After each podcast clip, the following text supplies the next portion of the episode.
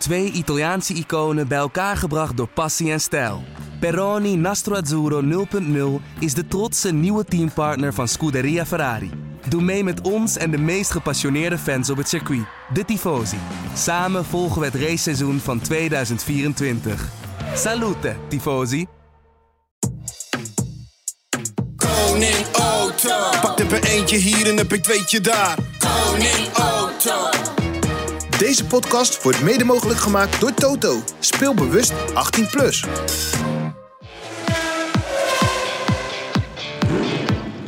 Dit is de Formule 1-podcast van De Telegraaf.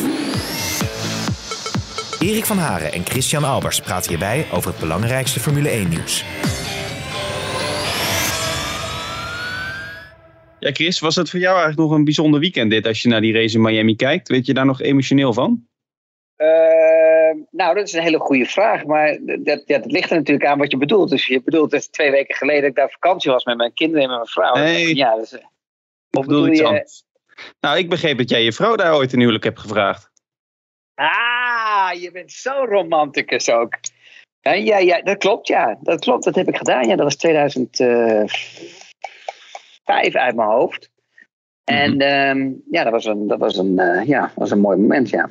En hoe heb je dat gedaan? Kun je daar een, uh, een beetje inzicht in geven? Nou, joh, gek ben jij nou vandaag, joh. Wat is dit dan, joh? Je bent helemaal in vorm, hè? Dat is niet te geloven. Lijkt of je ik ben eindelijk, het is nu maandag en ik vertrek vanavond. Alleen ik ben nu een beetje uit die jetlag, dus ik ben nu scherp.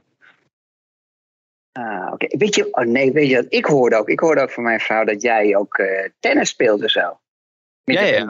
En jullie ook, hè? Hoe bedoel je jullie ook? Ja, zij zei dat jullie ook wel spelen. Ze vroeg, zij vroeg ja, we wilden dubbelen. Ja, ik heb één keer tien minuten gespeeld of zo, twintig oh. minuten, maar dat ging niet goed. Ik probeerde zo'n effectbal te doen.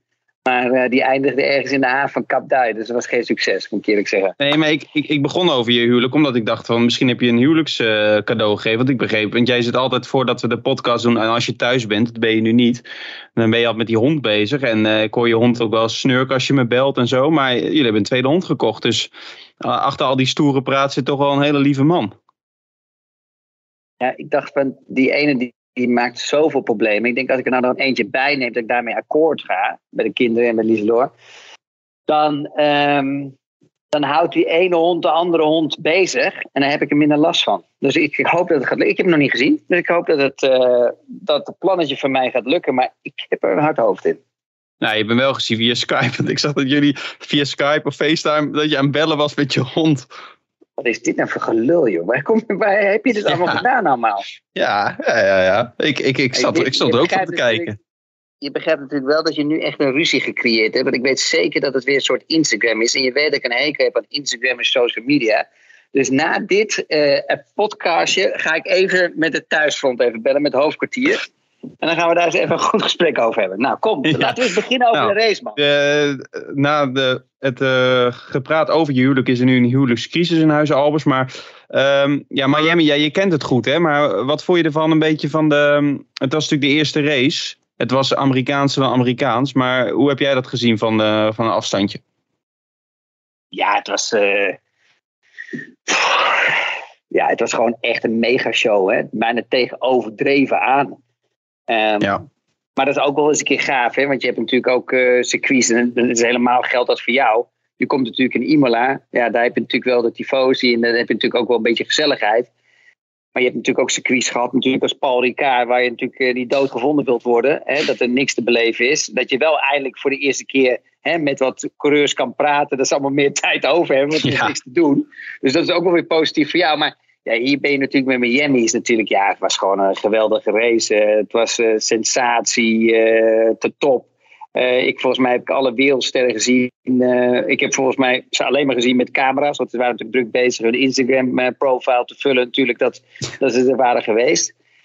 Um, ja, en als ik ga kijken naar de circuit, het circuit en het atmosfeer. En ik was daar twee weken geleden voor de race al geweest wat een focus er al was op, dit, op, dit, uh, ja, op deze Grand Prix. Um, denk ik wel dat ze het echt met een succes uh, uh, ja, afgesloten hebben. Ik, jij was er echt live bij. Ik heb alleen maar de beelden gezien natuurlijk vanuit de studio. Um, maar dat was, ik heb Stefan bijvoorbeeld, ja, sorry dat ik erover begin, maar die heb ik nog nooit zo hard moeten zien werken. Die, die, heeft, die heeft nog meer gewerkt dan alle creurs bij elkaar volgens mij. Want mm. die heeft zoveel mensen kunnen interviewen en ja, ze deed het heel goed, moet ik zeggen. Ja, het is natuurlijk ook eh, voor een eerste event, als je dat dan al neerzet, dat kunnen die Amerikanen natuurlijk wel, ook met alle faciliteiten, ook voor ons. Ehm, maar ja, het is inderdaad, uh, uh, ik denk dat er een wereldrecord aan selfies is gemaakt. En het lijkt voor veel mensen, voor die, voor die VIP's is, is de race eigenlijk een soort hinderlijke onderbreking. Um, en het was ook wel leuk voor de race op de grid. En in de paddock heb ik het nog nooit zo druk gezien, maar op de grid um, dit, zag je gewoon dat dat sommige coureurs bijna niet herkend werden. Hè? Dat het eigenlijk de aandacht helemaal werd opgeëist door anderen. Um, dus dat is wel leuk om te zien. Of nou, leuk om te zien, dat is wel bijzonder om te zien. Maar ik, ik ben het wel met je eens, die hele mix. Dit, dit moet je niet 23 keer per jaar hebben, maar een paar keer per jaar. Het is natuurlijk een enorme show. En ja, dat kunnen die Amerikanen wel. En daar houden ze zelf natuurlijk ook van. Hè? Dat is voor hun natuurlijk de, de manier om een uh, evenement neer te zetten. Want de mensen daar vinden het allemaal heel normaal dat het zo gaat. Ja, en dan krijg je natuurlijk van die momenten, natuurlijk als je coureur zijn, daar op die grid loopt. En dan even zo'n bijgehoog naar je toe komt of je even opzij wilt stappen. Want uh, en dan, komt, er, komt uh, Michael Douglas aan of uh, Michael Jordan. Ja. Dat zijn wel van die mooie momenten. Maar wat, wat, wat ik ook ja, merkte natuurlijk, is dat um, je zag natuurlijk dat Zandvoort natuurlijk vorig jaar maar op 60, 70 procent kon draaien. Heel veel werd natuurlijk toch wel afgelast natuurlijk door die maatregelen van corona. Um, en je ziet dat daar um, eigenlijk ook activiteiten wat daar op de agenda zouden uh, staan natuurlijk. Hè, met DJ's en dat soort dingen. Dat dat ook wel een beetje echt overgenomen is door Miami. Dus ook daarvan hebben ze best wel veel geleerd ook.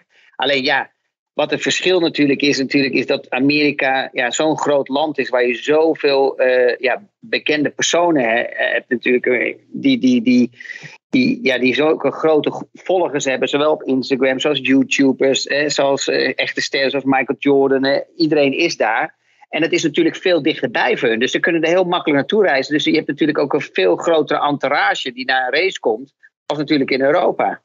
Ja, ja, maar ik moet zeggen, wat ik net zei, voor een paar keer per jaar is niet zo, uh, is natuurlijk leuk en het is uh, anders dan anders. Uh, ik moet wel zeggen, denk je nou dat, dat de coureurs zijn kijk, ik ken Max natuurlijk best wel goed. En daar heb ik altijd het idee van, die kan heel makkelijk die switch maken als hij die helm opzet. Maar denk je dat er ook coureurs zijn die, die misschien een paar procent, of wel is het 1% minder presteren dan, uh, dan, dan gebruikelijk door al die hijsen. Want al die teams waren natuurlijk ook wel de hele week bezig met dingen. Als ik bijvoorbeeld bij een McLaren kijk, bij een Ricciardo. Ja, dat is natuurlijk nu makkelijk praten na een slecht resultaat. Slecht weekend. Maar bijvoorbeeld die James Corden is daar de hele week bij. Van donderdag tot met zondag op het circuit. Het gaat bijna alleen maar over andere dingen dan racen. Denk je dat dat nog bij sommige coureurs een verschil maakt? Of, of zoek ik nu iets? Mm, ja, dat is heel moeilijk in te schatten. De ene heeft er wel last van, de ander heeft er geen last van. Ik vind het altijd een beetje moeilijk, maar ik ben ook altijd heel bijgelovig. Ik heb altijd het gevoel als je heel veel dingen erbij gaat doen, dat je, weet je, wel, dat je gewoon bad luck krijgt door zo'n weekend heen. En dat, dat wil je natuurlijk ook, dat probeer je natuurlijk ook te vermijden. En dat is een beetje gek bij mij, want ja, ik had bijvoorbeeld ook altijd heel linkersok, dan rechtersok, dan dit aantrekken. Maar als je je daar lekker bij voelt, waarom zou je het veranderen, weet je wel? Never change a winning team, zeggen ze wel eens. Ja, en uh, ja, met Ricardo, ja. Weet je, het is zo, eigenlijk is het gewoon echt geen slechte coureur. Het is echt een goede coureur. Zijn probleem is dat hij nu gewoon bij de nieuwe generatie terechtkomt. Hè, zoals de Max Verstappen, zoals uh, Norris, zoals Russell. En dat hij toch, ja, uh, ja, toch ja, een pak op zijn sodomieten krijgt. En, en, dat is wel jammer. want ik denk dat het wel voor hem echt heel moeilijk gaat worden. Ja, en terug te komen naar, naar die James Gordon en zo. Ja, kijk, eh, het is natuurlijk ook het feestje natuurlijk een beetje van Zack Brown. Zack Brown komt natuurlijk uh, uit Amerika. Just Marketing heeft hij gehad natuurlijk. Reclamebureaus. Ja. Hij, hij, doel, zijn doel was altijd natuurlijk van McLaren de baas te worden. Nou, er is zoveel politiek achter de schermen heeft er plaatsgevonden. Die heeft eigenlijk een beetje in dezelfde situatie gezeten als Toto Wolf. Niet helemaal netjes natuurlijk zichzelf in die positie gedrukt. Hè. Veel politiek uitgeoefend. Daar wat kleine steekjes gegeven. Daar wat kleine steekjes om dan op die positie te kunnen komen. Ja, en dan, en dan merk je natuurlijk dat het toch echt een Amerikaan is. En dat dat, hè, dat zijn, zijn, zijn vijf minuten moet gaan worden. En ehm, eh, ja, jammer genoeg was de prestatie niet zo goed als in Imola van, van McLaren. Vielen ze eigenlijk een beetje tegen. Ja, hadden ze van tevoren misschien ook wel een beetje verwacht. Uh, ik sprak uh, Stefano Domenicali nog even vorige week. Dat was ook al mooi om te horen. Die zegt dan Miami, maar ook Zandvoort. Dat dat eigenlijk de nieuwe standaard is voor evenementen. Uh, voor toekomstige Formule 1 evenementen. Dat zegt er ook alweer wat voor helft jobs vorig jaar in Zandvoort hebben neergezet. Met inderdaad nog maar die twee derde bezetting toen. Hè? Van, uh, dus dan, dan, bedoelen ze natuurlijk niet alleen de race. Want je ziet in Zandvoort natuurlijk nog wel een historisch circuit. Maar ook gewoon alles eromheen. De faciliteit, het verkeer. Uh, het hele festivalgevoel, zeg maar. Ja, en uh, je merkt ook dat ze dat eromheen willen maken. Natuurlijk omdat... Ja, ze zijn er toch achter gekomen dat de Formule 1 natuurlijk maar niet, zo, niet de hele dag doorrijdt. Dus je hebt best wel veel momenten natuurlijk waar het voor een fan uh, ja, echt een beetje ja, je moet je tijd uh, volmaken, je moet, je, je, moet iets gaan organiseren, je moet jezelf gaan vermaken. Nou, en als ze daarmee kunnen helpen en daardoor nog interessanter kunnen maken, ja, dat doen ze op dit moment heel erg goed. Ja, eh, maar de kanttekening natuurlijk is van natuurlijk als dat een nieuwe standaard gaat worden voor al die nieuwe Grand Prix die erbij komen. Um, is natuurlijk dat het ook wel weer um, meer naar de hospitality moet gaan. Omdat natuurlijk dat geld terugverdiend moet worden. Hè. Die, die, die bedragen die worden steeds hoger om die Grand Prix naar, naar binnen ja, te trekken als het ware voor, eh, voor, voor een circuit. Ja, en dat moet terugverdiend worden. Dus uh, we begonnen natuurlijk met eigenlijk weinig hospitality. En je merkt nu eigenlijk bijna dat, dat de circuit bijna draait op de hospitality. En um, ja, dat is, daar, daar zie je wel echt een ommekeer. Ja, ja, de vraag van Don Bobbes is wel een beetje beantwoord. Of het nou een zegen voor de sport is of te veel van het goede. Zo'n happening in, uh, in Miami. Dat is natuurlijk een beetje dubbel. Uh, en als je naar het circuit kijkt. Raoul van Hezen die vroeg. Zitten we tien jaar vast in dit circuit? Of zijn er betere alternatieven? Ja, het is gewoon een, een tijdelijk circuit op een parkeerplaats. En ja, dus ze kunnen het heel makkelijk aanpassen. Hè, als, ze, als ze iets zouden willen aanpassen. Want het was natuurlijk best wel wat kritiek van de coureurs. Um, en als je bij Amerikanen, als die input krijgen om iets te veranderen. Dan doen ze het vaak wel, toch? Ja, nou ja ik, ik, ja, ik heb daar niks mee te maken natuurlijk. Het is voor mij moeilijk in te schatten. Ik vond bijvoorbeeld sector 2 wel heel leuk. En ik denk dat het leuk is ook voor de kijker om dat te zien. Omdat je dan ook de auto weer eens een keer wat snelheid vermindert. Waardoor je hè, wat meer ziet. Ik vond bijvoorbeeld hè, naar het bovenrijden, weet je, dat, dat verschil in hoogte. Die chicane, het stuiteren van een Formule 1 auto. Weet je, dat soort dingen. Die lange doordraaien in, in 12 naar 13 toe. Weet je het, het riskeren met het uitbreken van achteren, zoals we met Science hebben gezien, zoals we met Ocon hebben gezien. Weet je wel, dat soort elementen vind ik wel leuk om in een circuit te hebben. Uh, te hebben. En als je dan ook nog eens een keer gewoon ja, een, een soort stratenrace in Miami hebt, of circuit slash straatrace. Um, wil je natuurlijk ook als zoveel mensen komen en als er zoveel hype is en, en, en, en publiciteit, dat er ook ingehaald wordt. En ik denk dat dit wel een circuit is waar inhalen een mogelijkheid heeft. En dat, dat maakt het wel leuk voor de sport. Ja. Ja, ik denk het grootste probleem was, los van misschien dat Mickey Mouse gedeelte, waar coureurs met name die chicane waar ze niet over te spreken, maar was het asfalt over het algemeen. Wat natuurlijk nieuw in is gelegd, dat je buiten de racelijn eigenlijk helemaal geen grip had. Ja, maar er zijn er wel meerdere circuits natuurlijk waar je buiten de, de racelijn komt, waar je ook minder grip hebt. Ja, maar ik heb het toch nooit, ik heb het nooit zo, uh, de laatste jaren nooit zo van, van alle coureurs eigenlijk gehoord, zo extreem als nu. Kijk, als je bijvoorbeeld Jeddah, dat is ook een nieuw circuit, daar had je dat veel minder. Daar lag veel meer grip. Maar dat is typisch iets Amerikaans. Uh, ik kan me wel herinneren, toen ik altijd op vakantie ging in Amerika, of dat twee weken geleden in Amerika was, als je dan ook op parkinglots komt, weet je wel, dan, dan, merk je gewoon dat het asfalt heel warm is. Kijk, en ze hebben natuurlijk ook pas zes weken geleden of zeven weken geleden, volgens mij uit mijn hoofd, zijn ze begonnen hè, met asfalteren.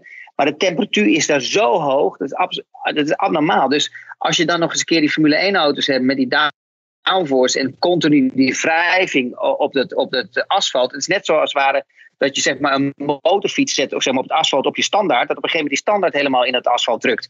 Dus ik denk dat dat soort situaties voor zijn gekomen. Maar ik hoorde ook bijvoorbeeld dat er een, een, een vrachtwagen uh, iets hydraulisch verloor in bocht 7 uit mijn hoofd. En dat ze daar, weet je, eh, dat, dat dat zo agressief was dat ze ook weer een nieuw stukje moesten aanleggen. Ja, dus 17. Ook, ja. ja, 17, ja. Nou, dus dat, er zijn wat momenten geweest. Um, um, wat dan niet helemaal uh, het probleem was van het circuit. Hè. Dat, dat zijn ook andere omstandigheden geweest. Nee, en er kwam ook met die. Er was wat kritiek op die. waar ook Conde afging en Science. Die maakt natuurlijk een beste klapper. Uh, dat dat niet zo'n Tech Pro barrier uh, is.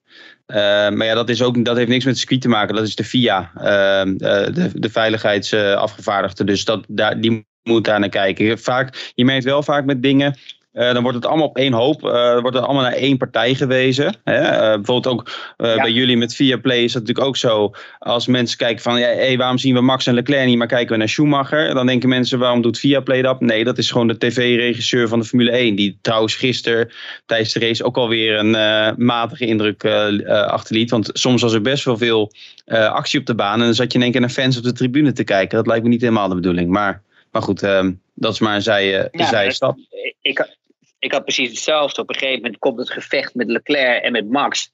En ik denk dat dat toch wel het belangrijkste is van de race natuurlijk. Hè? Wat, voor, die, die, vechten allebei voor de overwinning. Ja, net wat je zegt, dat zie je in één keer iemand uh, op de tribune. Gelukkig was er eentje met een oranje shirtje ook. Dus dat is nog, nog een beetje iets van Max. Um, maar ja, jij heb je gelijk. Maar er waren nog wel meer dingen. Er zijn heel veel mensen heel positief. Er zijn ook heel veel mensen die het niet zo leuk vinden. Dat blijf je altijd houden in deze wereld. ja, ja, laten we het daar dit keer niet over hebben. Ja. Um, Maar nee, maar ik moet zeggen, dat vond ik ook wel grappig. Ik gisteren ook op mensen die zeiden dat het een hele saaie race was. Kijk, ik moet zeggen, die safety car kwam voor de spanning. Hè. Max zat er niet op te wachten, maar die safety car kwam natuurlijk wel uh, als geroepen om nog wat spanning te krijgen. Maar ik denk dat aan het begin heb je natuurlijk ook dat gevecht om de eerste plek gehad met Verstappen en Leclerc. Mensen moeten niet vergeten dat we jarenlang naar de Formule 1 hebben gekeken met de dominantie van Mercedes. Uh, en daarvoor ook even Red Bull. Dat er helemaal, dat er tig races op rij waren waar al vanaf de eerste ronde duidelijk was wie er ging winnen. Of misschien al vanaf de start. Uh, dus laten we ook een beetje, laten we ook blij zijn dat er gewoon weer, weer een gevecht is om de eerste plek. Ja, Erik, wat wil je ik aan toevoegen? Je hebt alles, je hebt alles gewoon correct. Je hoeft er niks aan toe te voegen. Je mag nee, het ook een keer met me eens zijn, dat is prima. Nee, nee, ik ben het helemaal met je eens. Maar daarvoor zit ik ook verbaasd aan te kijken. Want ja, je, je, hebt, je hebt er gewoon gelijk in. We hebben gewoon, we hebben gewoon jaren gehad waar er gewoon echt helemaal niks gebeurde. En, en, en ja, eerlijk is eerlijk, dat DRS is wel verademing. Weet je wel? Daar zijn wel mogelijkheden om gewoon in te halen en stuivertje te wisselen. En, en dat er wat sensatie komt. Dus ja, ik geef je helemaal gelijk. Het is gewoon het is leuker geworden. En dat is het probleem, is dat we gewoon echt verwend zijn geraakt na bijvoorbeeld een race in Jeddah. Hè, dat stuivertje wisselen. Na de laatste race natuurlijk dat Max wereldkampioen is geworden. Ja, dat zijn allemaal momenten, weet je wel. Dat, dat, als je zulke hoogtepunten eh, ja, zijn, dan, dan, ja, dan, dan denk je, shit jongens, wat een saaie race. En dat had ik ook gisteren. Ik zat gisteren gewoon uh, met mijn handen in elkaar. Uh, bijna dat ik weer dacht dat ik naar de kerk ging. Om te zeggen van waar blijft die safety car? Weet je wel, die safety car die moet komen. Want dan komt er weer een beetje, weet je, het veld bij elkaar. En waar ik echt een hekel aan heb, en daar hebben we het er al eens eerder over gehad, is ja. de virtual safety car. Weet je, als je nou als FIA zijnde en als de FOM nou races spannender wilt maken. Het is natuurlijk heel frustrerend voor een coureur die voorop ligt met heel veel eh, voorsprong. Maar als je het spannender wilt maken, is dat toch het eigenlijk de makkelijkste, uh, ja, de, het makkelijkste wat je, kan, wat je kan doen natuurlijk, is een safety car eerder erin brengen dat het veld bij elkaar komt. En, en zo'n virtual safety car, ja, dat zorgt natuurlijk eigenlijk ervoor dat iedereen gewoon op zijn positie blijft. Ja, ja, en uh, eigenlijk was nu het voordeel voor Verstappen op voordeel. Maar uh, Leclerc en Sainz hadden geen uh, nieuwe mediums meer. Hè? Dus die konden, die konden ja, ook qua band niet zoveel doen. Ik had eigenlijk verwacht dat Sainz misschien wel op rood ging. maar die bleef op hard. En uiteindelijk was het een goede beslissing. Want hij, hij bleef derde. Hij hield Perez achter zich. Perez had wel problemen met de motor. Er zat een sensor, was een sensorprobleem. Um, maar ik, ik, ik had verwacht dat, dat Max Leclerc achter zich kon laten. Want ik was er toch wel um, voor hem huiverig voor met die DRS. En hij zat natuurlijk dichtbij. Maar uiteindelijk wist hij toch dat gat nog te trekken. Ja, maar er waren natuurlijk ook, er is ook natuurlijk een situatie Um, wat ook wel belangrijk is natuurlijk om, eh, om, om daar nog even op in te gaan, is dat, dat Max natuurlijk niet in zo'n positie zit om ook naar binnen te gaan. Hè. Die moet afwachten, omdat hij aan het lijnen is. Want als je naar binnen gaat, blijft Leclerc buiten. En diezelfde situatie heb je natuurlijk met Sainz. Gaat Sainz naar binnen, dan heb je het risico natuurlijk dat Perez voor je komt. Dat hij niet naar binnen gaat. Dus Perez had niks te verliezen. Die ging, er, die ging ervoor. Perez was gewoon um, Um, ja, die, die had gewoon de, de, de mogelijkheid om zoveel mogelijk strategies uh, uh, te gaan uh, bekijken. Samen met, zijn, met, met, met de, aan de pitmuur. Om te kijken van oké, wat, wat kunnen we nu doen? En die hebben de juiste keuze gemaakt. Maar dan zie je bijvoorbeeld, net wat, ja, wat we het over gehad hadden ervoor, is dat je ziet gewoon dat Perez nou net niet datzelfde heeft als Max. Weet je, dat, die vechtersmentaliteit. En dat echte, dat, dat racen, weet je. Hij is gewoon heel constant. Ik denk dat hij op dit moment de beste is die naast Max, die naast Max kan hebben. Het geeft rust uh, voor Red Bull. Weet je, ik denk dat ze geen zin meer hebben. Weer Dr. Marco en Christian Horner en Edu Newey. Weer zo'n jaar zoals met uh, Pierre Gasly, uh, Gasly of met, met Albon. Dat je weer in die paniekstanden komt. Dat de ene niet presteert. Hè, dat hij zichzelf gaat overdriven. Dus op dat opzicht hebben ze de juiste balans gevonden. Maar als ik dan terug ga ook naar bijvoorbeeld naar Ferrari. Nou, ik weet niet wat jij ervan vindt, Erik. Maar ik bedoel, wij hoorden het begin van het jaar Binotto zeggen: Ik heb denk ik waarschijnlijk de beste uh, teamopst uh, teamopstelling. De beste coureurs. Ga zo maar door. Hij is helemaal happy. Maar ik zie twee coureurs die elkaar gigantisch opnaaien. Die toch weer, hoe, hoe stabiel weer Leclerc was in het begin. Hoeveel foutjes die weer maakte. Zoals bijvoorbeeld Imola. Zoals nu bijvoorbeeld weer in, uh, in Miami. Uh, er waren toch twee situaties waar bijvoorbeeld na de safety, uh, dus voor de safety car, dat Max hem ingehaald had, dat hij een achterstand had van twee seconden. En toen verremde hij zich weer bij bocht ja. 17. Nou, dan ga je van 2 naar 4. Nou, dan mis je ook die aansluiting. Dus je kan niet. Ja, je hebt bijna geen slipstream meer. Maar je, kan, weet je, je hebt dan als coureur zijnde een punt. Weet je. je ziet die auto, je zit dichtbij. Dat geeft net even wat extra. Dat je net jezelf even wat meer pusht om erbij te blijven. Ja, dan krijg je op een gegeven moment de pitstop. Dan verliezen ze ook bijna gewoon een seconde. Hè, 6, 7 of 18, ja. zoiets uit de buurt. Ja, dan, kom je ja. naar ja, dan kom je naar buiten, Erik. En dan zit je er gewoon op een gegeven moment 7, 8 seconden achter. En dan is dat een complete momentum weg. Want als je zag bijvoorbeeld die Ferrari, die gaat door een grainingfase heen. Hè, uh, in, in ronde 6 al. Waardoor Max in één keer boef erbij komt. En die pakt gelijk zijn opportunity. Die wacht niet af. Die gaat niet kijken waar de beste positie is. Die ziet op een gegeven moment boef. Uh, Leclerc komt in, in, in bocht 17, de laatste bocht eigenlijk, de echte bocht, laatste echte bocht. Met power oversteerde uit. Hij zit gelijk in zijn versnellingsbak. Eerst volgende kans, boef, gelijk bocht 1 ernaast zetten en klaar. Nou, en dat, dat, dat verschil, uh, uh, dan zie je dat Max in één keer wegloopt. Hè? Want, want, want Leclerc moet door die grading fase heen gaan. En dan komt er een moment dat Leclerc weer hetzelfde rondetijden rijdt, of zelfs soms sneller. Correct of niet? Ja. En dan, en dan komt eigenlijk de, de, klap, is dat hij zichzelf dan te eager, te greedy wordt. Weet je wel, te nerveus of te, te veel wild. En dan verremt hij zich. En dat, hetzelfde had hij ook bijvoorbeeld met Perez in Imola. Perez had nieuwere banden. Hij rijdt er naartoe. Op een gegeven moment komt de temperatuur in bij Perez. Hij ziet Perez wegrijden. En in één keer, boef, gaat hij alles op alles zetten door die chicane. En hetzelfde had hij bij Max. We krijgen een safety car. Die safety car komt naar buiten. Het hele veld komt bij elkaar. Daar is zijn opportunity. Dan zie je op een gegeven moment dat Leclerc zeg maar, echt die aansluiting heeft. Echt 2,5 tiende. Nou, dan ben je toch al redelijk in de versnellingsbak van Max. En dan vergooit hij alles in bocht 14, 15, dus die chicane. En 16 opkomend op het rechte stuk. En in één keer van 2,5 tiende is in één keer het gat 1 seconde.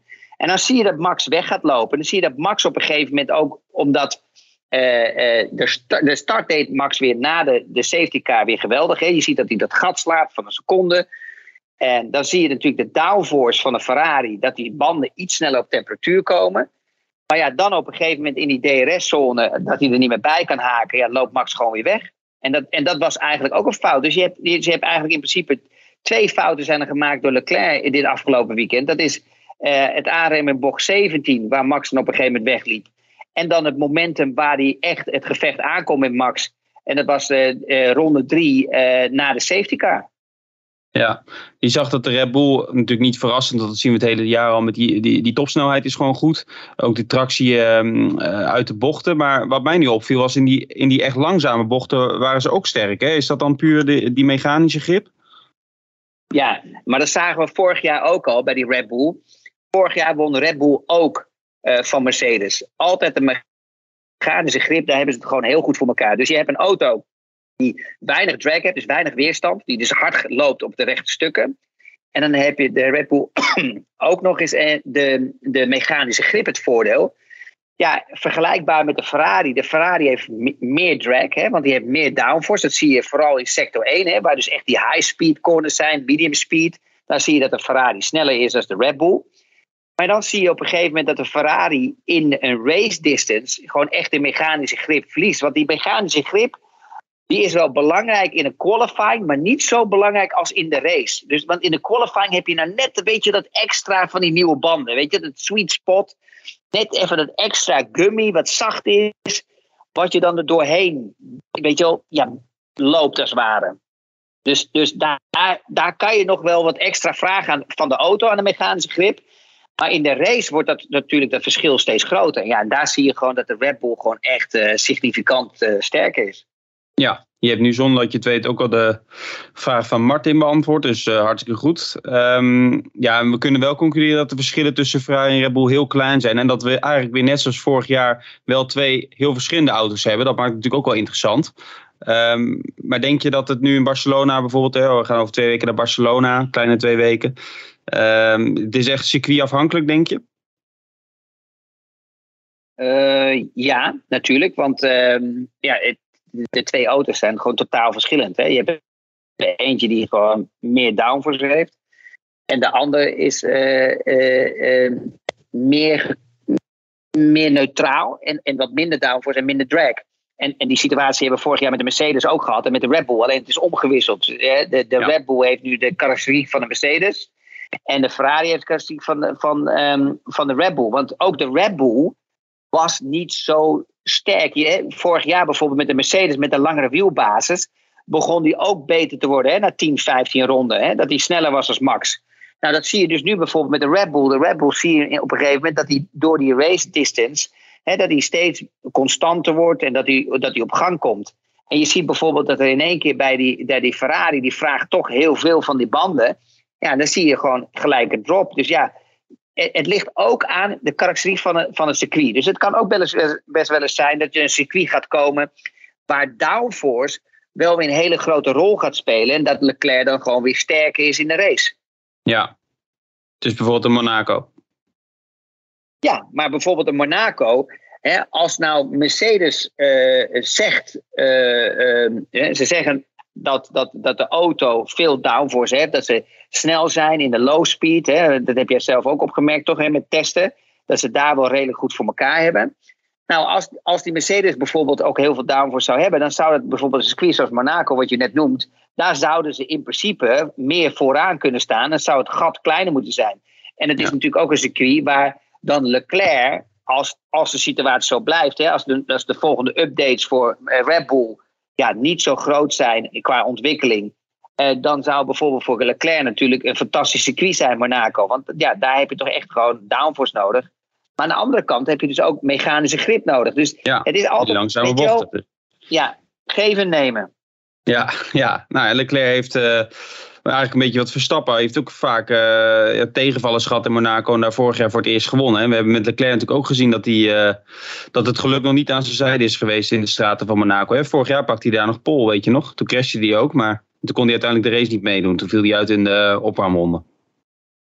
Ja, en, en wat, ook, wat ook wel interessant is om, om te vertellen, is dat als je bijvoorbeeld de qualifying ziet, Erik, hè, en dat heb je zelf gezien ook die zaterdag als je het verschil ziet in warming-up van, de, van de banden, wat een groot verschil erin zit. Hè. Als je gaat kijken naar de twee rondes die ik een, een vergelijking had gemaakt van Sainz en van Leclerc, dan zie je toch echt duidelijk dat Sainz veel sneller is met zijn warming-up. Dus veel meer temperatuur in zijn banden krijgt als hij begint met zijn snelle ronde. En Leclerc wat later begint met zijn banden. En dan merk je dus gewoon dat Sainz gewoon veel sneller is in de eerste sector. Hè, omdat zijn banden op temperatuur zijn. Daar verliest Leclerc op. En dan komt op een gegeven moment Leclerc in sector 2. En sector 3 pakt hij alles weer terug. Plus nog eens een keer dat hij wat sneller is. En dat zag je, bij, eh, zag je echt speciaal ook bij Sainz. Dat hij op een gegeven moment de laatste bocht is. Bocht 17. Ja, het is niet de laatste, want je hebt nog een, knikje. Maar dat is allemaal makkelijk vol gas. Maar echt de, de, de bocht na het rechte stuk. Het aanremmen voor 17. En dan uitaccelereren van 17. Dan zag je gewoon dat bij Sainz dan op echt het, het limiet. Hè, dat hij over het limiet is gekomen van de banden. Dat hij echt power oversteer hebt.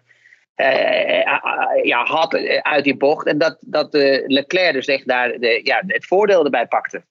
Ja. Denk je, Ferrari heeft nu al aangegeven dat ze in Barcelona met een flink pakket aan updates komen.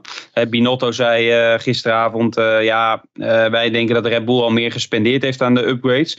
Dan moet ik wel zeggen, dat weet hij natuurlijk niet precies. En, en ik moet ook zeggen dat zij natuurlijk met Sainz al een paar flinke klappers hebben gehad. Dat, dat kost ook gewoon geld.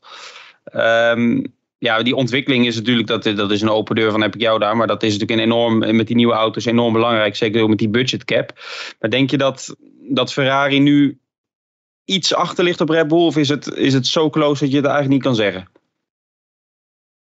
Ja, dat is gewoon dat is heel moeilijk te zeggen. Want, want uh, het is, het is ja, ook een beetje geluk. Ook het team dat er zit natuurlijk aan Aerodynamics. Um, en het allerbelangrijkste is, waarom komen ze pas in Barcelona met een pakket? Nou, het is heel simpel. Je hebt natuurlijk alleen maar van die runs in de windtunnel. En als je maar één onderdeel maakt, ja, en, dat, en daar win je anderhalve tiende, twee tiende mee, je zet dat op de auto, moet je daarna weer opnieuw beginnen als je weer verder wilt. Dus daarvoor gaan ze, werken ze in pakketten. Dus dat je echt gewoon een pakket hebt van dat je drie, vier tiende kan winnen. Um, dat je dat in één keer kan veranderen op de auto. Want anders moet je elke keer weer terug. Dus je verliest weer tijd. En vandaar dat ze zeggen, daarvoor pakken ze ook punten van: oké, luister, we gaan nu een ontwikkeling doen. Ja? Daar geven we bijvoorbeeld twee maanden aan, of één maand of twee maanden. En dan gaan we er vanaf A tot en met Z dan gaan we er keihard aan werken. En dan komt het pakket in, in, in, de, in die komende race komt het erop. Nou, dan hebben ze allemaal eigenlijk in principe Barcelona gepakt. Omdat Barcelona dan ja, toch in Europa is, makkelijker met, met vervoer en al dat soort dingen. Ja, en dan is gewoon straks ja, kijken wie het het best voor elkaar heeft. We, hebben vernomen, ik heb het ook voor jou gehoord, je hebt ook met Red Bull gesproken, hè, dat ze daar aan het werken zijn aan gewicht. Nou, eh, ik denk dat bij Ferrari dat ze ook aan het werken zijn eh, om proberen wat onderdelen te krijgen, dat dezelfde downforce level houden, maar iets minder eh, drag. Hè, want dan kunnen ze een beetje meer concurreren ehm, met, eh, met Ferrari, eh, met de Red Bull. Maar alle, wat, wat mij echt verbaast dit jaar is dat het niet eens meer draait om hoeveel downforce je hebt, hè, maximale downforce, maar meer de balans te vinden in de auto van um, de juiste downforce level, dat je ook dat porpoising tegen kan gaan. Ja, en dat heeft Red Bull gewoon echt goed voor elkaar. Ja, en Mercedes nog niet, hè? om het zacht uit te drukken. Leek vrijdag heel even wat beter te gaan. Maar uh, dat is wel leuk wat je zegt over Barcelona. Dat legde Toto Wolf ook uit. Die zei, je hebt natuurlijk in Barcelona de wintertest gehad. In ieder geval het eerste deel van die test. Dus we kunnen nu in Barcelona de auto en de data vergelijken met toen. En voor Mercedes wordt dat een heel belangrijk weekend. Want eigenlijk gaan ze daar bepalen. Daarna moeten we in de spiegel kijken, zegt Toto. Uh, zijn we nou nog op de goede weg of niet? Want je moet natuurlijk ook al gaan denken aan de auto van volgend jaar. En um, het is wel leuk of interessant om te zien bij Mercedes dat, dat ze nog steeds niet weten in de vijf races hoe het nou kan dat de data niet overeenkomt, met de feedback van de coureurs. Ze, ze weten dat die auto snel is, maar ze kunnen het er niet uitkrijgen. Dat lijkt me heel frustrerend. Ja, maar het houdt je ook tegen, want eh, die windtunnel is natuurlijk nog steeds theorie. En praktijk is natuurlijk als je de auto neerzet op het circuit. En het probleem is dat de windtunnel maar een bepaalde snelheid kan genereren. Hè. Sommigen doen 160, 150, sommigen doen 200, maar dan houdt het op. Maar de porpoising komt pas bij 240, 250, 230. Dus het komt pas bij een hogere snelheid. En die is heel moeilijk te simuleren. Dus die kan je alleen, die, dat kan je alleen opmerken en daar kan je alleen aan werken op het circuit, in de praktijk. En, en daar zijn ze heel aan het zoeken. En wat, wat, wat, ik, wat, wat me opvalt, is dat je eigenlijk bij Mercedes een soort twee sidekicks hebt. Hè? Dus je hebt bijvoorbeeld voordat hij hem raakt en dan achter. Dus die auto is heel erg in onbalans. En bij Ferrari bijvoorbeeld kunnen ze wel leven met die porpoising, omdat hij maar één keer eigenlijk als het ware raakt. Hè, op één plek. En bij Mercedes eh, eh, is hij op twee plekken waar hij, waar hij raakt op de grond. Dus dat betekent ook dat er veel meer onbalans is. Dus ja, die wind die komt over die auto en die, die kunnen ze niet mooi en geleidelijk wegkrijgen. Die, die, er is heel veel turbulence in die auto. Ja, en dat, dat is een hele grote probleem. En ja, eh, wat je net zei ook van Toto. Ja, ik heb een beetje het gevoel, als je gaat kijken twee races terug, zijn ze heel positief dat ze het gaan vinden. En nou in één keer van het weekend hadden we een interview, zag ik voorbij komen. Met Stefan, met, met, met, met, met Toto. En die zei ja, ja eigenlijk, ja, lang verhaal, kort verhaal. Eh, hij was helemaal niet meer zo positief als eigenlijk één, één race geleden of twee races geleden. En hij, hij, hij liet eigenlijk een beetje doormerken eh, ja, merken dat, dat het seizoen eigenlijk voorbij is. Ja, maar ze, ja, en Bakker vroeg dat ook van, denk je dat Mercedes terugkomt op het concept? Ik denk dat ze dat binnen één of twee races die conclusie toch moeten trekken. Als het, als het niet beter gaat, dan moet je toch op een gegeven moment het anders gaan verzinnen. Met alle gevolgen van dien, want het kost natuurlijk ook veel geld als je die auto toch nog uh, moet. Uh, je kan ook maar tot op zekere hoogte doen, want je kan nooit uh, nog even een hele nieuwe auto gaan bouwen. Ja, en, en de penalty die ze ook hebben is natuurlijk dat ze gewoon veel minder runs hebben per week in de windtunnel als natuurlijk Ferrari en als Red Bull. Ja, ja, zeker als Ferrari, ja. Um, nog even over de race. Uh, misschien ook een opvallend moment was uh, Alonso kreeg daar straf voor. Hè. Die raakte Gasly en later had je die crash uh, Gasly-Norris die de safety car um, veroorzaakte. Ik kreeg heel wat vragen over wie, wie daar nou de schuldige was. Dan moet ik wel zeggen dat Gasly zei dat hij op dat moment eigenlijk nog nauwelijks de auto op de baan kon houden. Omdat hij veel schade had na die tik met, uh, met Alonso. Ja, weet je, wie is er fout? Uh, je hebt uh, Norris, die wil eigenlijk gewoon zo dicht langs rijden. Want die wil niet op de vieze baan rijden. Hè? Je hebt al die marbles, dus al dat stukje rubbers. De viezigheid, die gaat allemaal van de ideale lijn. Nou, hij moet Gasly voorbij.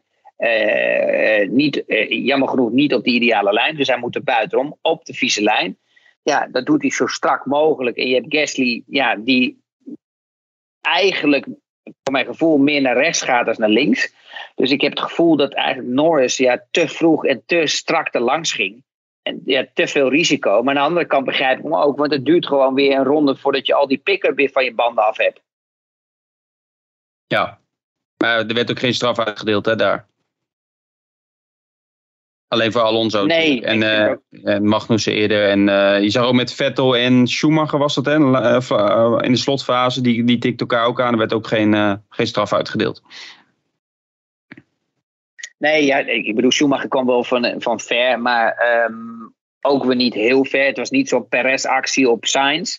Om heel eerlijk te zijn, hij zat er iets dichterbij, had ik het gevoel. Um, maar dat is altijd moeilijk te zien. Weet je, het ligt er natuurlijk een beetje aan van welke hoek maar ja, ik zeg altijd, als je een gaatje ziet, moet je ervoor gaan. En als Max Verstappen het doet, dan is het wel goed. En als iemand anders het weer niet doet, is het niet goed. Dus ja, weet je, je krijgt maar één keer zo'n moment. Je krijgt maar één keer zo'n mogelijkheid om te doen. Want je weet namelijk de ronde daarna niet uh, wat er gebeurt met je auto. Als je er dicht achter rijdt, hè, dan, dan krijg je een hogere bandentemperatuur. Want je hebt toch wel ja, wat last van, van dat je wat downforce verliest. Dus je krijgt meer scrub. Dus alles wordt een beetje heter. Ja, en dan moet je je momentum gewoon pakken. Als, die, als je er komt, ja, dan is het gewoon alles of niets. Zo simpel is het. Maar ze verloren wel allebei punten. En daar had Vettel wel gelijk. Is dat, is, dat is natuurlijk wel zonde, want Mick die had het eindelijk echt goed voor elkaar dit weekend. Hij was zo met de qualifying sneller als Magnussen. Hij reed ook goed. Ja, en, dan, en dan toch dit ja, foutjes. Ja, dat is gewoon echt jammer. Ja, ja het waren ook de eerste punten hadden het kunnen zijn. Hè? Ja. Hij zat nog op nul. Ja, maar goed, voor de collega's van uh, Bielt was het weer een mooie verhaallijn. Hè, met twee coureurs die elkaar uh, uh, van de baan tikken. Um, is je verder nog iets opgevallen tijdens de race? Of ja, zoveel gebeurde er verder niet? Nou ja, daarom was ik ook blij dat die safety car kwam. Ja, maar op een gegeven moment was het wel mooi toen die safety car op een gegeven moment naar binnen kwam. Dat je gewoon echt dat hele groepje bij elkaar had. Op een gegeven moment was het echt een treintje achter elkaar. Dat was uh, Stroll, Vettel, iedereen bij elkaar. Dat, dat, was ook wel een mooi gevecht. Maar dat maakt natuurlijk dan ook weer de, de regie een beetje ja, weet je, in verwarring. En die brengt die regie weer in verwarring van oké, wie gaan we nou filmen? Waar is nou het gevecht? Hè? het gevecht gaat eigenlijk tussen Leclerc en Max. Maar dan krijg je andere gevechten in één keer binnendoor. En dat was natuurlijk ook wel weer jammer. Um, ja. Maar ja, ik, ik, als ik terugkom, is gewoon Max heeft gewoon weer vandaag, of tenminste gisteren laten zien dat hij toch echt wel ja, serieus uit ander hout gesneden is. Het is echt wel echt een kaliber. Weet je het is gewoon hoe hij hoe die zijn, zijn, zijn vijand achter zich laat. En, en hoe hij met de druk omgaat. En als je dat een verschil ziet dan met Leclerc, dat hij foutjes maakt. En dat Max gewoon echt heel weinig foutjes maakt. Ja, weet je, eh, het is geen veer om in zijn reet te steken. Maar Max heeft gewoon een geniale race gisteren gereden. En en, en hetzelfde was ook in Imola. Hij is gewoon, hij is gewoon echt ijzersterk. Uh, en hij, hij is supergoed op weg naar gewoon zijn tweede wereldkampioenschap. En dan hebben we nog maar een paar races gehad. Nou, ik zou een bandje naar hem opsturen. Dan uh, trakteert hij misschien op een drankje als hij dit hoort komende week in Monaco. we krijgen eerst nog Barcelona, hè? Ja, maar hij zei, uh, ik zei tegen hem, uh, volgens uh, Helmut Marko zei tegen mij, hij heeft als een wereldkampioen gereden. dat zei ik tegen Max. Toen zei hij, ja, nou dat komt goed uit, want ik ben ook wereldkampioen. Dus dat is weer een typische reactie. Max zei trouwens, misschien ook interessant voor jou, gezien jouw yo-yo um, dieet. Maar hij, was, hij dacht dat hij drie kilo was afgevallen tijdens die, die race, want het was niet normaal heet ik, ik zaterdag na de kwalificatie vroeg ik het nog aan hem. Toen dacht hij, oh, het valt denk ik wel mee hoe, hoe, fysiek zwaar het is. Maar hij had natuurlijk nog niet echt een uh, serieuze longrun kunnen doen. Maar als je zag hoe hij uit die auto kwam.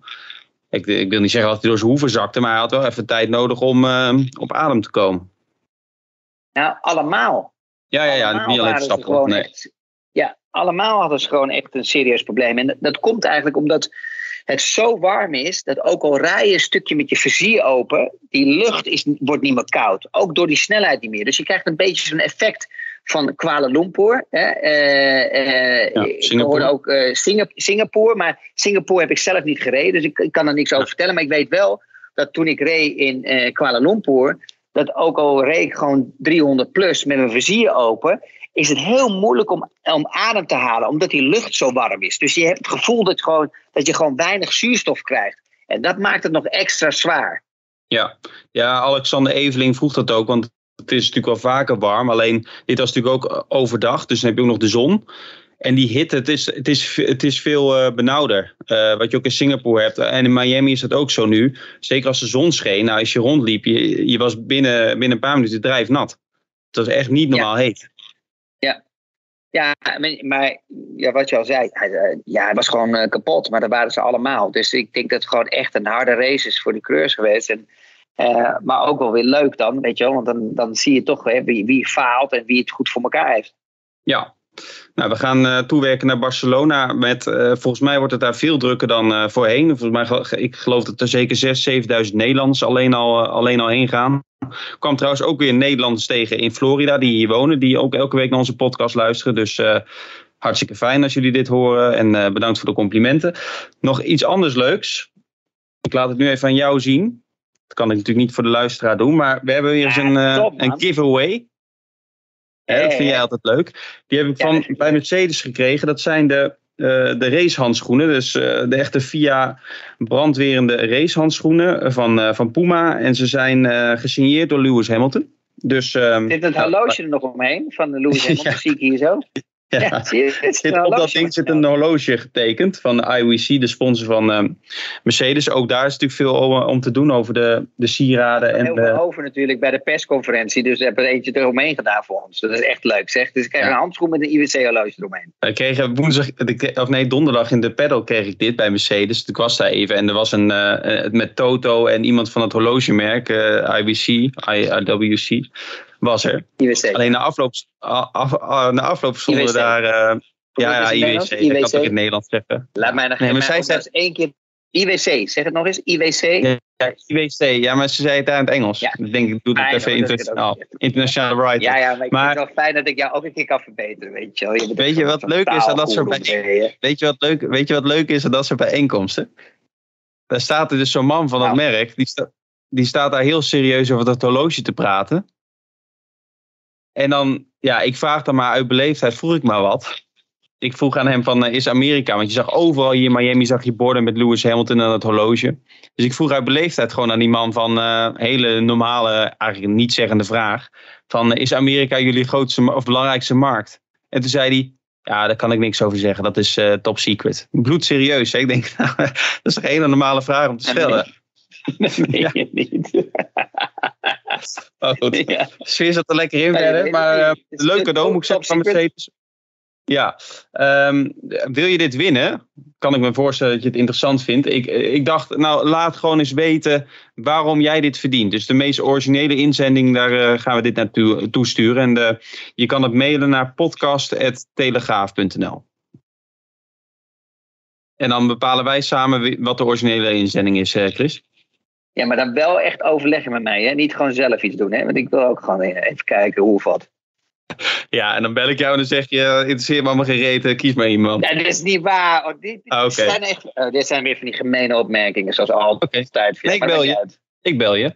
Je um, weet dan wat er gebeurt als wij een keer gaan tennissen, hè? Dan wens ik je veel succes. Ik zal mijn service ja. even proberen op je. Ga je weer zo'n effectbal proberen? Nou, ik ben heel benieuwd wat, wat ik daarbij moet. Doe je dan ook eerst je rechter sok en dan je linker sok, of hoe werkt dat? Ja, nou, op zo'n klein baantje was ik wel goed de laatste keer. Dan werden mijn kinderen werden echt heel link en agressief dat ik van die effectballen deed. Weet je, want ze denken natuurlijk dat die bal eraf kwam, maar ik had zo'n spin erin zitten. Dus hij ging weer terug naar als ware naar mij.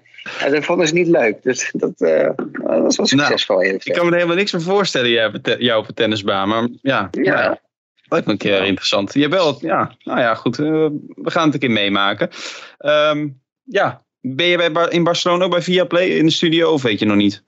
Of heb je geen idee uit je hoofd? Ja, oh, wel. ja ik zit bij, met Barcelona zit ik ook. En dan Monaco uh, ben ik gewoon thuis. Ja, dan gaan wij uh, daar even knallen. Ja. Ja, heel leuk hè, dit hotel voor jou, als ik zo op de achtergrond kijk. Ik zit in een Setai. Top man, goed voor elkaar Style Beach. Lekker man. Ik, ja, je bent ook de Telegraaf natuurlijk. Die hebben gewoon ook budget voor dit soort dingen. Ja, ik, heb, ik moet zeggen, um, ik heb het allemaal toe geregeld. Ik moet zeggen, zaterdag had ik met Mike Hezemans, uh, die woont hier in Miami Beach. Hadden ja, we, hadden we, had ik een, uh, was ik samen eten. En Mike is echt een topkeer. Ik heb hem in 2019 ja, ontmoet in uh, Mexico. Maar hij heeft bij Viaplay ook veel gedaan dit weekend, hè? Ja, en dat was ook echt leuk, moet ik eerlijk zeggen. Maar, maar weet, je, weet je, dat is ook gewoon, dat is ook gewoon leuk om te doen, weet je wel. Met Stefan daar buiten. Dat is ook allemaal wat makkelijker, weet je. Je ziet meer om je heen en alles ja. dingen. En, en, maar hij deed het ook goed. En het was ook ja, het was super warm natuurlijk. Nou, je weet zelf, je was er zelf bij. Het was echt niet normaal, of wel, Erik? Nee. En het was ook uh, heel raar. Want uh, het is hier heel opvallend. Als je woensdag kwam ik aan. En toen kreeg ik een appje van een Spaanse collega die zei: ik, ik zit nu in de meest zware thunderstorm die ik ooit heb gezien. En, ik, en ik, ik, ik, het was gewoon droog bij mij. En in uh, ja. zaterdagavond op het circuit regende het ook. En ik was downtown. En daar zaten we buiten bij een restaurant. Er was iets bliksem uh, daarvoor, maar nul regen. Dus het is allemaal heel plaatselijk. Je zou ook voor de race, toen appte ik jou nog. Toen regende het ook heel even. Maar tijdens de race werd het, bleef het gewoon droog. En het droog natuurlijk super snel op. Ja, ja. Nee, ik ja, vond het maar... leuk. En ik vond het leuk hoe, hoe ze het ook deden. Ook, hoe Mike het ook deed in de pits en dat soort dingen allemaal. Was gewoon, was gewoon relaxed en zo. Ja, doe jij Monaco ook wat op het circuit ter plaatse? Als je er toch bent. Nou, dat, nou, dat hoop ik. Ja, dat zijn we nu aan het overleggen of dat gaat of niet. Ja, het zou leuk zijn, toch? Ja, er is iemand van de Telegraaf of zo die bezwaar getekend heeft. Ik weet niet wie of zo. Dus, maar ze zeiden bij Viaplay is een heel akelig mannetje op die redactie. Ik weet niet, een of andere Erik of zo. Die, die, die op die redactie? Ik ben nooit op de redactie bijna. Ja, uh, ik weet niet, van de FOM. En die zit de hele tijd brieven te schrijven naar FOM en, uh, en van, van ja. niet Christian Albers. We gaan, nu, we gaan nu de komende weken zien hoe groot mijn invloed is bij de FOM. Of jij wel of niet binnenkomt. Nou Chris, uh, hartstikke bedankt voor je tijd. Um, jullie allemaal bedankt voor het luisteren. En uh, ja, we zijn over twee weken weer dan naar de Grand Prix van Barcelona. Graag uh, tot dan. Ja, en wanneer kom jij terug? Volgende week, hè? Jij ging er toch nog een paar dagen achteraan plakken met vakantie niet? Nou, ik, ik plak er één uur extra aan, want ik heb dik een uur vertraging, zie ik. Dus ik mis ook mijn overstap in Parijs, dus dat begint lekker. Maar ik ben, nee, ik ga vanavond lekker terug. Ik ga meestal het liefst zo snel mogelijk terug. Maar ik, ik uh, ja, ik moet zeggen... Ik had, het is, ook, al drie keer, ik had ook ja. al drie keer een vlucht. Ja, mag, niet leuk om die naam te zeggen. Maar drie keer had ik al een vlucht die gecanceld was. Door een vliegtuigmaatschappij, wat in Nederland, gewoon een Nederlandse vliegtuigmaatschappij. Je wel, in de kleur blauw.